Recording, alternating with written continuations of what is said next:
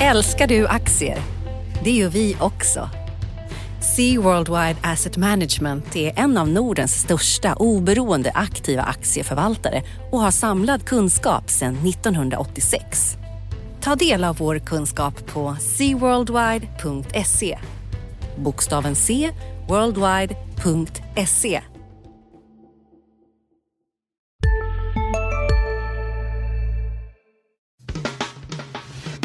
Analyspodden från Dagens Industri. Hej och välkommen till Dagens Industris analyspodd. Podden där vi går igenom de viktigaste händelserna på finansmarknaden och börsen under veckan som varit och veckan som kommer. Och jag heter Johanna Jansson och med mig här i podden har jag Ulf Pettersson. Välkommen! Tack ska du ha. Tack. Nu är vi snart här på, det är bara en vecka kvar till midsommar så snart kommer det lugna ner sig lite men eh, än så länge har vi grejer att prata om. Vad tycker du vi ska prata kanske... om idag? Ja, vad ska vi prata om idag? Eh, jordgubbspriset är 30 kronor såg jag nu, det var 35 så det blir nog liksom inte, det är, det är ingen inflation, inflationspriser i jordgubbar, det går åt andra hållet men det kanske vi inte ska prata om men om vi ska eh, inleda med lite, med lite makroekonomi här så är faktiskt Janet Yellen höjt räntan. Det tycker jag väl är en, eh, något som man bör ta upp i en sån här det podd. Eller vad gärna. tycker du? Ja, det tycker jag absolut. Och sen på hemmaplan har vi lite Hexagon-affär. Ska man sälja sina Hexagon-aktier eller inte? kan vi prata om kanske? Det, mm. tycker jag också. Mm. Uh, vi, har, uh, vi har fått ett nytt jättestort företag på börsen, Essity. Döpte, döpte de det till gamla SCA då, gamla Just det. hygien-SCA. Ericsson har vi ju, uh, Christer Gidell har fortsatt köpa aktier. Vi har eh, Frankrike som är aktuellt. Eh, Just det, och det också. Ja. Vi har, och sen så har vi en vecka som kommer också där det händer en massa det, rapporter från Skistar och SAS och klädbolag och sånt där. Precis, och då kan vi prata det... lite dollar och lite valutautveckling också. Ja. Mm. Men börjar du. Uh, apropå, du... apropå Fed då, eh, precis som du sa, centralbankschefen Janet Yellen hon höjde räntan och det var ju eh, väntat och sen så börjar de också prata om hur de ska avveckla sin stora eh, portfölj med räntebärande papper som ligger på nästan 4, ja, runt 4 200 miljarder dollar. Det är ju svindlande belopp såklart. Mm. Eh, vad det, det som marknaden tog med sig, det var väl att hon var Alltså jag har sett kommentarer som både säger att hon var mer aggressiv, mer hökaktig, alltså mer räntehöjningsbenägen än vad man hade trott och andra som säger att ja, men det kommer ju gå väldigt långsamt det här. Så att det är lite tudelat och det är väl lite så klurigt hur man ska... Varför är den tudelad då med tanke på att den var så väntad och man har, liksom, har fått beröm för att de har liksom eh, eh, ska vi säga, bäddat så bra och alla trodde på räntehöjning och helt plötsligt så är åsikten om, om det här delat. Vad, vad, vad, ja, men jag vad beror det på? jag tror så här, det är, det är liksom två grejer de ska göra. De, ska, de vill försöka ta bort lite stimulans från ekonomin nu. Och då kan de göra på två sätt. De kan höja räntan och sen ska de då dra ner på storleken på den här tillgångsportföljen. Och beroende på vad de gör, alltså hur mycket av det ena eller andra de gör, så kommer det få olika effekter. Alltså går man skalar man ner tillgångsportföljen gradvis då, så talar det för lite högre långräntor. Men det ska de göra väldigt långsamt och långsammare än vad många analytiker hade förväntat sig inför mötet. Samtidigt så säger de att den här låga inflationen som vi har sett här under våren, vi har haft lite skakiga siffror från USA, det tror de är tillfälligt så att de räknar med att fortsätta höja räntan. Och det får lite andra effekter. Till exempel eh, så har räntehöjningar större effekt på valutan. Och vi såg ju också att dollarn gick lite starkare här i slutet på, alltså efter räntemötet. Och det kanske också, jag vet inte, hur tänker man på börsen? För det är lite, när, eh, börsen brukar ju gå bra första året efter när Fed börjar höja räntan. De brukar ligga först med, med räntehöjningar av de större centralbankerna och börsen brukar klara det bra, brukar gå bra första året. Men sen när det har gått så ett och ett halvt år in i räntehöjningscykeln, då är det inte lika börspositivt längre med räntehöjningar. Hur tänker du? Vad tycker du? Nej, ja, det är det inte. Alltså räntor, liksom, Isolerat så är stigande räntor inte bra för börsen. Det är av flera skäl. Dels så, dels så liksom ökar ju avkastningskravet på aktier och det är detsamma som fallande kurser eller lägre kurser. Och sen så har du då den här effekten som jag tror har stött börsen, eller som har stött börsen i många år nu, det här att räntorna är så låga så man letar, letar investeringar på aktiemarknaden istället. Men sen är det lite varför räntehöjningen sker. Sker den för att det är en god tillväxt och eh, där vinstökningarna så att säga är högre än, än vad ränteökningarna är, då blir det ändå ett plus för företagen. Så det, det, det där, jag tyckte, vi hade ju en rejäl ränteuppgång i USA här eh, strax efter Trump eh, då, då man liksom var, var konjunkturoptimist och, och, stigande räntor. Men då det var ju ingen som tyckte de, de räntorna var, var något problem utan det var ju liksom, där hade man ju liksom tillväxt tillväxtglasögon på så det blev bra. Det är lite annat läge om man liksom börjar höja nu av, av liksom, ska vi säga, för att inflationen stiger och inte för att tillväxten stiger om, om ser jag det på något sätt. Och då är det liksom betydligt mer negativt. Och sen finns det en gräns också. Jag tror att om man hade varit en sån här pensionsförvaltare med många hundra miljarder dollar så hade man liksom börjar räntan komma upp till sådär till 3 procent, då har man ändå tänker du, Men då tänker du korträntan? Eller?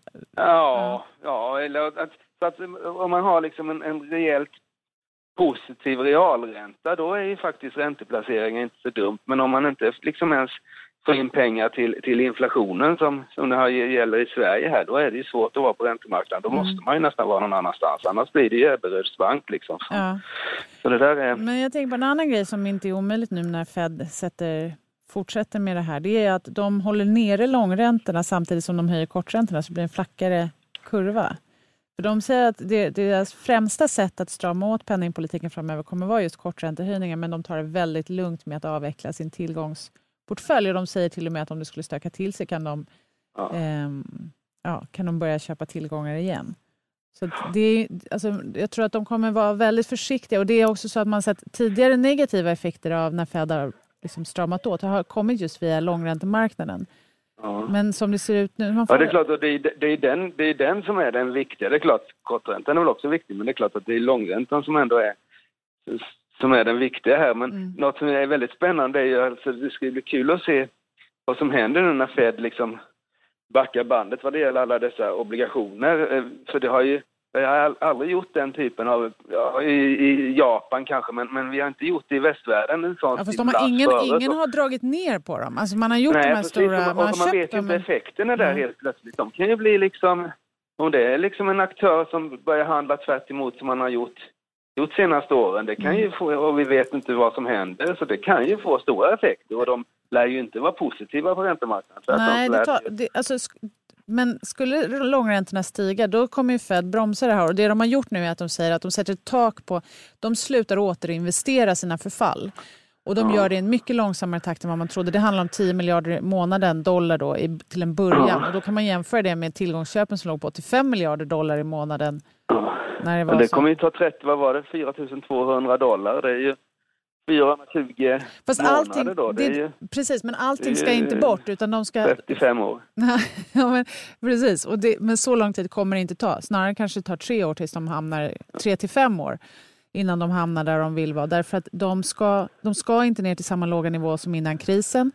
Och mm. under den här tiden så, för under den här tiden så har liksom resten av ekonomin växt i kapp eh, kan man säga, deras stora balansräkning. Så de kanske ska halvera och bara genom att låta de innehav som de har förfalla så kommer de en ganska bra bit på väg. Så att de kommer ju aldrig sälja av någonting. Men du, du som har jobbat på Riksbanken och sådär, är du, är, du, är du orolig för det här? Är det liksom, eller tror du att man kan hantera det här? Jag tror att man kan I, hantera det. Fed och, och Stefan Ingves och även ECB har gjort samma sak liksom. Ja, precis. Eller är, är det en svart svan som vi inte Nej. liksom vet? Nej, jag tror inte att det här är den svarta svanen. Det är det faktiskt inte. Utan, och snarare så att, tror jag att marknaden... Det här ska, centralbankerna vill göra det här så långsamt att det blir så tråkigt så vi inte ens orkar bry oss om det. Ja. Alltså jag tror att det kommer gå, och det, det är just det, det kommer gå långsammare. Och det, det är redan de tecknen vi har fått från Fed är att det går långsammare än vad man hade trott. Men visst är det så att det är, det är klurigt med värderingarna på börsen. Och givet att man inte kommer få samma eldunderstöd från centralbankerna. Så är det, det ska man inte räkna med. Då måste någonting annat upp, vinster till exempel. Och det, vi hade ju en bra första en bra inledning på rapport, rapportsäsongen i år, eller hur? Men eh, vi får väl se hur det blir här under, när rapportsäsongen intensifieras här under sommaren för svensk del. Ja, det blir väldigt spännande. Och där finns ju några innan. Eh, några eh, för... Tar, rapport, ja, ja, det finns eh, PMI-siffrorna där runt 3 juli tror jag kan vara mm. liksom lite Och vi får även prelim preliminära PMI-siffror här nu dagen före midsommar. Nu kommer vi in lite här på vad som händer redan i veckan som kommer. Men ja. när vi firar midsommar här i Sverige så får vi preliminära inköpschefsindex som är en sån här konjunkturindikator. Och de kan ja. ju vara värt att hålla ögonen på. Det har hänt annat här då i veckan eller hur? På svenska börsen. Hexagon ja. är uppe på tapeten och på DNs första sida. Hexagon var ju den stora grejen. Eh, den steg eh, ja, 15-16 procent på eh, en dag här efter att Wall Journal alltså, ja, de skrev en artikel om att, det var, att bolaget var under bud, bud, bud, bud ja, i, i, i figurera i budsammanhang. Ja. Det var ingen utpekad köpare sådär direkt, men det fanns en prislapp som var 28 procent över, över sist slutkursen, så börsen steg, eh, aktien steg 15 procent på den där nyheten. Och det måste man ju ändå tolka som att eh, marknaden eh, tog, tog seriöst på Wall Street Journals artikel och det tycker jag man ska göra av, av flera anledningar. Dels så jag har inte riktigt tänkt på det, att, att Hexagon skulle kunna vara i spel. Vi har en duktig, duktig medarbetare som heter Rickard Bråse som, hon skrev någon sån där artikel för en månad sedan. Och den, jag vet inte vad jag tyckte om den, men jag tänkte det, det ska det verkligen bli bud på Hexagon. Men, men ju mer jag tänker på det, så ju mer logiskt är det. Dels så är det Wall Street Journal som skriver och de brukar liksom inte skriva fel här. Alltså det är ett svenskt bolag, de måste ha liksom någon jätte, annars skulle de ju liksom inte, de måste ju nästan ha sett papperna. Och sen är det ju värderingen på Hexagon som jag tycker, det, det är liksom inte fel att, att sälja Hexagon nu om man hade varit storägare och dessutom få en premie. Och sen har du då den här pågående generationsskiftet som in, i, i familjen Körling där det är fullt Som är ägarna nu ja. Som är ägarna ja. som är liksom, är, och det står ju för över, det står för över hälften av, av, av tillgångarna i Hexagon-aktier och det är klart att det är väl bra liksom att, att sälja av det där och då har du ju liksom, du har ju massvis av aktier kvar i andra bolag eh, och sådär förstås men, men, eh, men du har också väldigt mycket kontanter och det kan vara bra att ha i ett sånt där generationsskifte. Det tror jag många tycker. det, så det vore väldigt lämpligt. Plus att de har då Ola Rolén, VD, som ska inför, ska inför eh, i rättegång här i, i, i Norge vad det lider för sin insideraffär. Och sen har du då köparintresse dessutom från eh, Siemens och General Electric, det här med eh, 5G, 5G-teknik som gör att, att allt ska vara uppkopplat och, och sådär. Och där ligger liksom Hexagon långt framme. Så, så alla, alla stjärnor, eller alla... De pekar all, rätt, eller? pekar på mm. att det faktiskt blir ett, ett bud här. Det finns köp, intresserade köpare, det finns logik för säljaren att sälja. Och hur ska man och, eh, tänka, ja, men och hur ska man tänka ja, som privatperson? Då ska man bara fortsätta. Ja, då ska man bara då, då är det ju bara att ligga kvar här. För då... Det finns logik för storägaren att sälja men för småägarna så är det inte samma logik som gäller, eller? Nej, ja, om de, då, då ska de göra som, de ska göra som storägaren. De ska ju ha kvar sina aktier tills, tills han säljer, eller familjen, ja, tills Melker säljer sina aktier. Mm. Jag tror att priset blir högre än vad det är idag. Då. Det räcker grann. inte med en med, med nästan 30 procent över den kursen som var då häromdagen, utan det ska till mer? Ja, men jag säger, men jag säger att Wall Street Journal har rätt att det blir det priset som Wall Street Journal mm. sa, så är det ju ändå, det är, ändå det är, hög, det är en högre siffra än, än Hexagon vad det står idag, för den gick inte upp hela till hela den 28-procentiga mm. budpremien. Den gick upp 15, 17 någonting.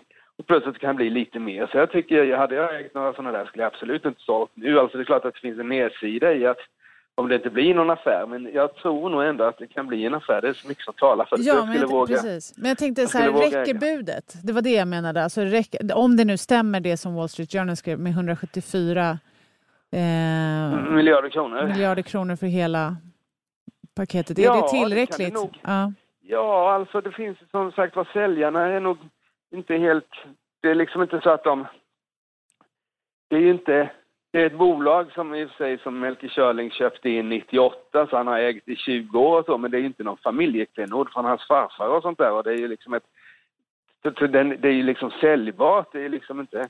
Det finns ju inte så mycket, liksom ska säga, band, familjeband till det. Han har ju det är liksom där han började bli rik egentligen. Det råkade vara, det var en Hexagon från början var det en liten investering. Han har liksom en som blev ohyggligt bra då. Mm. Och hela den resan som Hexagon har gjort den, den är fantastisk men det är ju inte säkert att man kan bygga vidare. Alltså man får inte glömma bort de här förvärvs...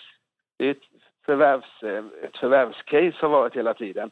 Och det har ju varit så otroligt rätt. Alltså vi har haft två decennier av fallande räntor. Eh, och vi har haft, eh, och han lyckades eh, han har kunnat göra P talsmultiplar hela vägen på varenda förvärv i form av att han har värderats högre än, än vad han har köpt bolag för. Mm. Plus att de har liksom eh, kommit in på intressanta marknader som har växt. Men det där, det där reptricket är ju många, många, många gånger svårare att göra kommande två decennierna än de två decennierna som mm. har varit. Så jag tror att, att ska liksom bygga vidare, jag menar, tar vi familjen Melchior och de ska bygga vidare i den här Nu släpper vi en ny podd. Expressen Dock. Einar han går in i fel gård, förstår du? Och sen där, en annan skytt jag tror kommer emot honom och, och fortsätter skjuta. Lyssna på premiäravsnittet. Mordet på Einar, det sista vittnet. Med mig, krimreporter Nina Svanberg. Hon började skrika på mig. Backa hon började säga. Så vad, vad hände? Så hon bara, han är död. Så jag bara, vad säger du för något? Så hon började skrika, han är död. Så jag sköt honom nu 21 meter. Lyssna i appen eller där poddar finns.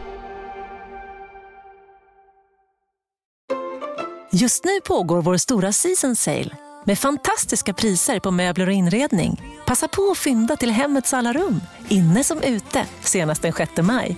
Gör dig redo för sommar. Välkommen till Mio. Den här takten, då kommer ju liksom Hexagon bli ett väldigt stort bolag för, för Melke, Melke Körling AB och kanske för stort Då, att risken i att ha allt i ett bolag blir blir för jobbigt. Så jag, hade jag varit rådgivare så skulle jag absolut säga ja men det har varit en fantastisk affär. Nu tar vi hem pengarna här och tar det lite lugnt och det är ändå två det är två döttrar där. Det är inte säkert att det kanske någon vill göra någonting annat med pengarna och så där. Det underlättas ju väldigt mycket. De kan ju börja återköpa lite Melker Körling-aktier om de vill och att, att ha liksom det finns grejer att göra för... 50-60 miljarder på banken, det gör liksom, ja. det ger möjligheter att, att liksom både gifta sig och skilja sig och allting på något sätt. Liksom. Mm.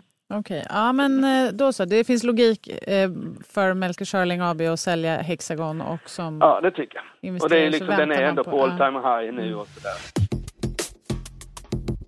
En annan stor affär som, som eller stor, stora affärer i ett annat nationalklenodsbolag då, då, Ericsson. Det kom nya uppgifter här om att eh, Christer Gardell han ökar upp sin ägarandel ytterligare.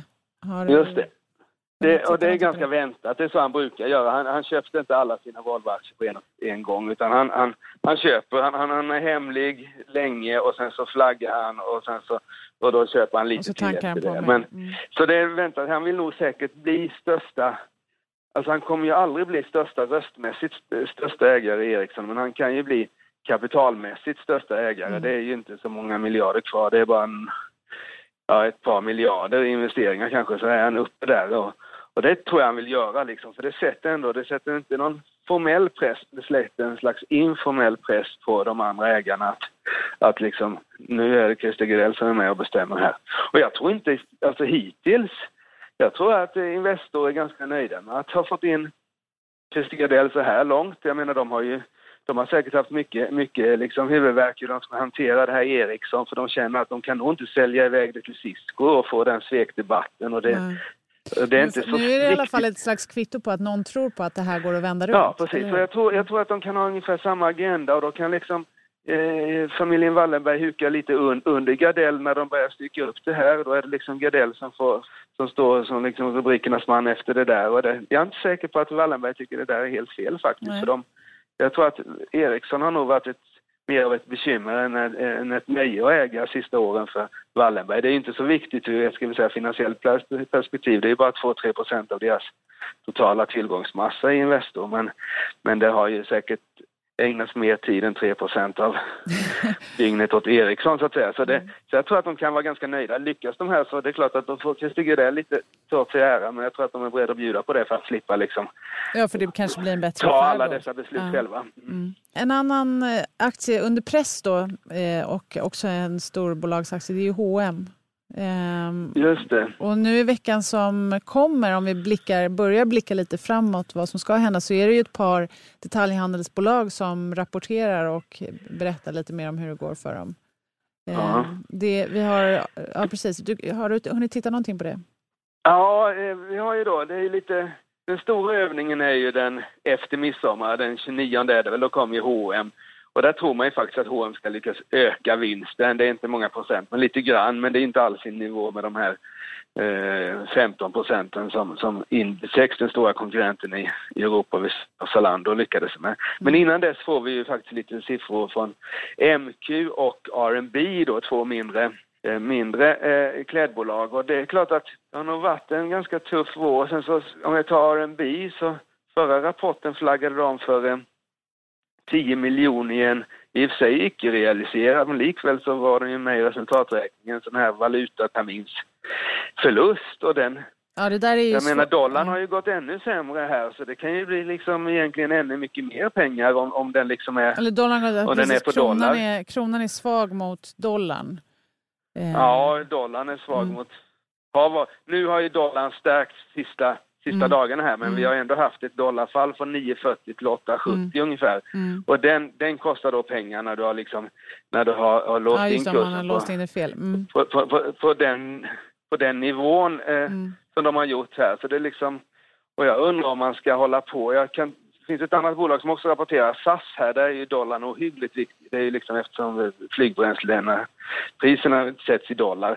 Där förstår jag att man håller på att hedga valutor och sånt Men de där. är, är också liksom... beroende av oljepriset, eller hur? Så för dem blir det dubbla... Ja, det blir liksom... Mm. Ja, det kan, det kan jag tänka mig att man håller på med. För, men jag menar klädhandeln och vara en liten, liten svensk klädhandlare och hålla på och betala liksom bankerna massvis avgift för att de ska köpa, köpa liksom terminer och sånt där. Och har säkert lagt på någon sån här cap och floor för att det ska bli extra dyrt liksom och krångligt.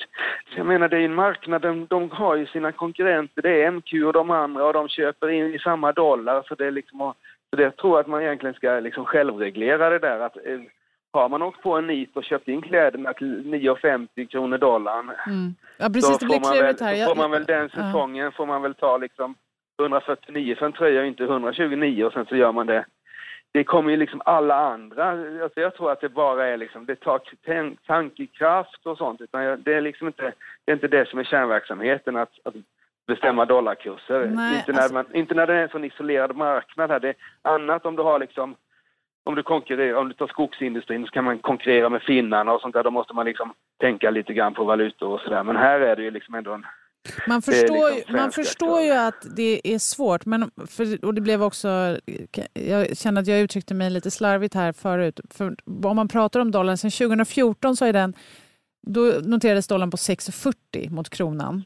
Och sen ja. så hade vi den här jätteförstärkningen av dollarn upp mot som högst över 9,20 mot kronan. Ja. Och sen nu då... Mm. Ja, och sen nu så har den då eh, tappat igen, eller kronan har stärkts något, så nu ligger den på 8,70. Så att det blir de här stora svängningarna. Man förstår ju att det, det kan vara nervöst ja. för ett klädbolag. Men, men... Dollarn drog ju på Trump i slutet av början av året, mm. toppade den ju där någon gång i... Och sen så har de, och tar man liksom, tar man dollarutvecklingen för R&B mm. exempelvis, eh, förra kvartalet och så mm. tittar man, oj, det kostade 10 miljoner i valuta, valutaförlust där. Jaha, och sen så har ju liksom den här trenden ändå fortsatt. Sista dagarna spelar ingen roll för det är inte liksom i juni vi får några siffror från här utan det är i maj liksom och den är ju, det kan det bli ännu mer där och det, det, vill säga, det påverkar inte kassaflödet och de, men ändå likväl så är det liksom kostnad någonstans till slut. Jag tycker inte man ska hålla på för mycket med sånt där om man är en liten spelare. Det är inte liksom, jag menar Kappahl och de där de de har ju också köpt in kläderna till samma pris samma, samma dag, samma dollarkurs lite grann. Och då, då tror jag liksom att då får väl vi konsumenter bära den valutarisken genom att den säsongen är det lite mer valutaeffekt i, i, kläd, i, i kläderna så att säga. Mm. På. Ja. ja.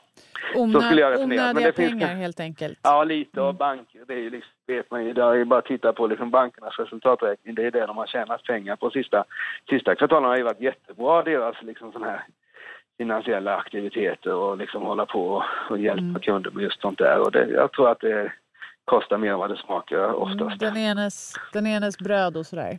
Det, ja. Vi får också, Zalando de har pressträff här på fredagen i Berlin. Eh, ja, precis. Och sen har de kapitalmarknadsdag i Berlin nästa vecka.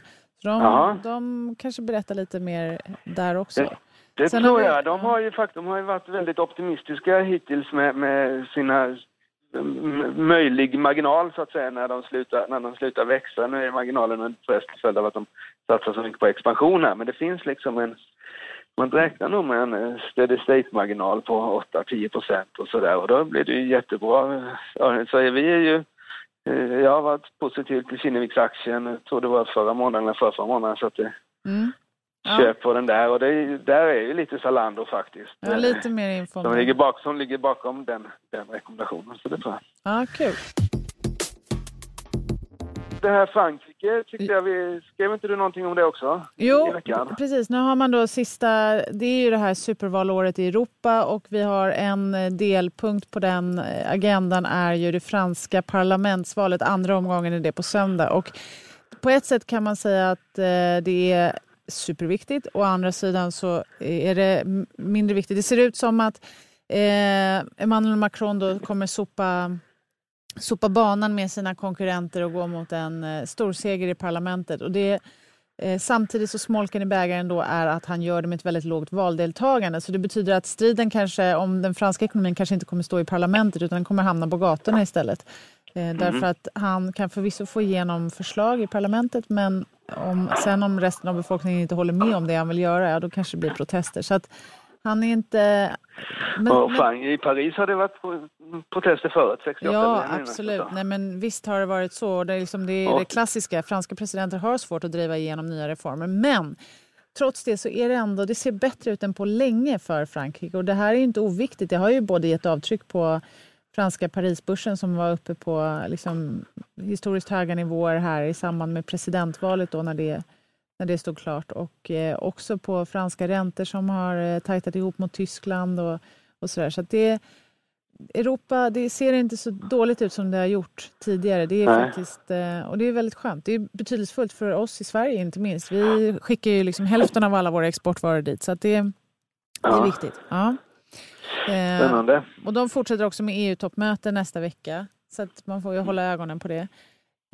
Men, men som sagt, bättre tider för Europa. Eh, förhoppningsfullt. Mm. Ja, är det någonting annat som du tycker att vi ska hålla ögonen på? Det är väl de här rapporterna som ska bli kul att läsa. Kanske speciellt SAS då med tanke på att det kommer en köpanalys med, med riktkurs på 25 spänn här i, mm. i fredags. Så det verkar ju någon som har tittat på siffrorna tycker de, eller tittat på bolaget som tycker att det ser ut att kunna bli en vändning. Och det kan man ju förstå för det som har varit jättejobbigt för SAS sista tiden här med stigande oljepris när, vi liksom, när det började gå upp på riktigt där och sen så eh, eh, dollarkursen när den var långt över 9. Men nu går ju nu går alla... faller liksom, I kronor faller ju oljepriset rejält. Eh, Exakt, eftersom... för både, både dollarn och kronan går, eller säga, för både oljan och eh, dollarn går åt rätt håll för, för, för SAS. Mm. Ja, faktiskt. Mm. Så det är lite, lite spännande. Uh, uh, har du något annat då? Nej, jag tycker att det ska bli spännande just med, som vi var inne på här. Vi har ju pratat flera gånger i podden om eh, ja, men hur man ska tro. Ska börsen växa i, i sin värdering eller ska ekonomin... Ja, alltså hur ska det gå? Liksom? Vi har höga värderingar på börsen och vi har en konjunktur som visar liksom ändå styrka. Men, men är det mer konjunkturstyrka framöver eller väntar vi oss liksom toppen här snart? Och Det finns en del sådana indikatorer som också kommer i veckan. Då. Vi var inne på det förut, inköpschefsindex för industrin och också KI, svenska KI gör en ny uppdaterad prognos för hur det går för Sverige. Så att... Ja, just det. Nu har, nu har ju liksom, eh, nu har ju, det är mycket som har förstört de gamla börs, börs, eh, en, tumreglerna då med, med tanke på räntefallet vi har haft här och, och sådär. Tänker på här sälja, alltså köp, om, man, om man ska köpa eller sälja till sillen eller till kräftorna, sådana saker tänker du på eller? ah, jag tänkte liksom mer det här bibliska efter sju goda och vänta sju dåliga och sånt. Ah, okay. uh, men uh, vi har haft liksom en, uh, man brukar säga att börsen, börsen är 12 till 18 månader före konjunkturen. Så att när konjunkturen toppar augusti 2019 så ska börsen toppa liksom eh, augusti 2018 eller kanske till och med på våren 2018. Och det, det, där är ju liksom, och den här konjunkturuppgången som vi då äntligen har fått igång då eh, i Europa som du nämnde kanske framförallt och eh, även i USA och, och ja, i Asien också. Hur, när pikar den? Och, och, och, när den,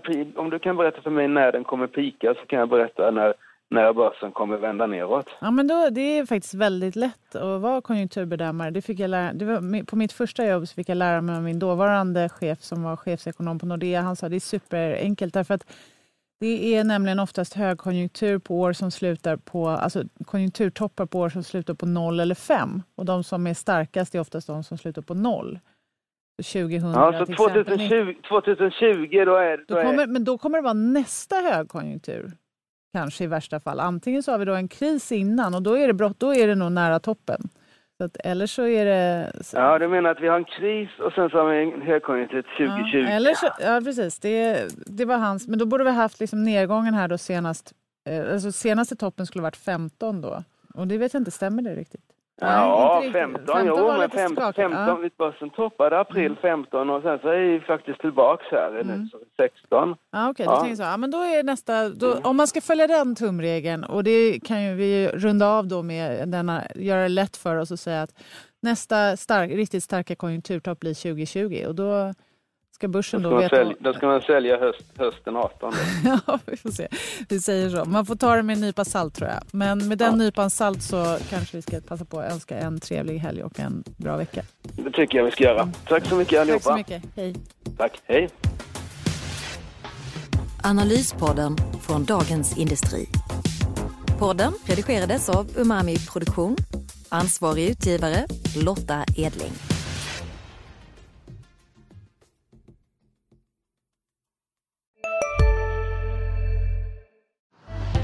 Älskar du aktier?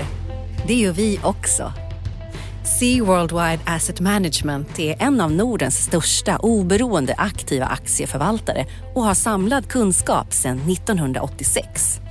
Ta del av vår kunskap på seaworldwide.se. Bokstaven C, worldwide.se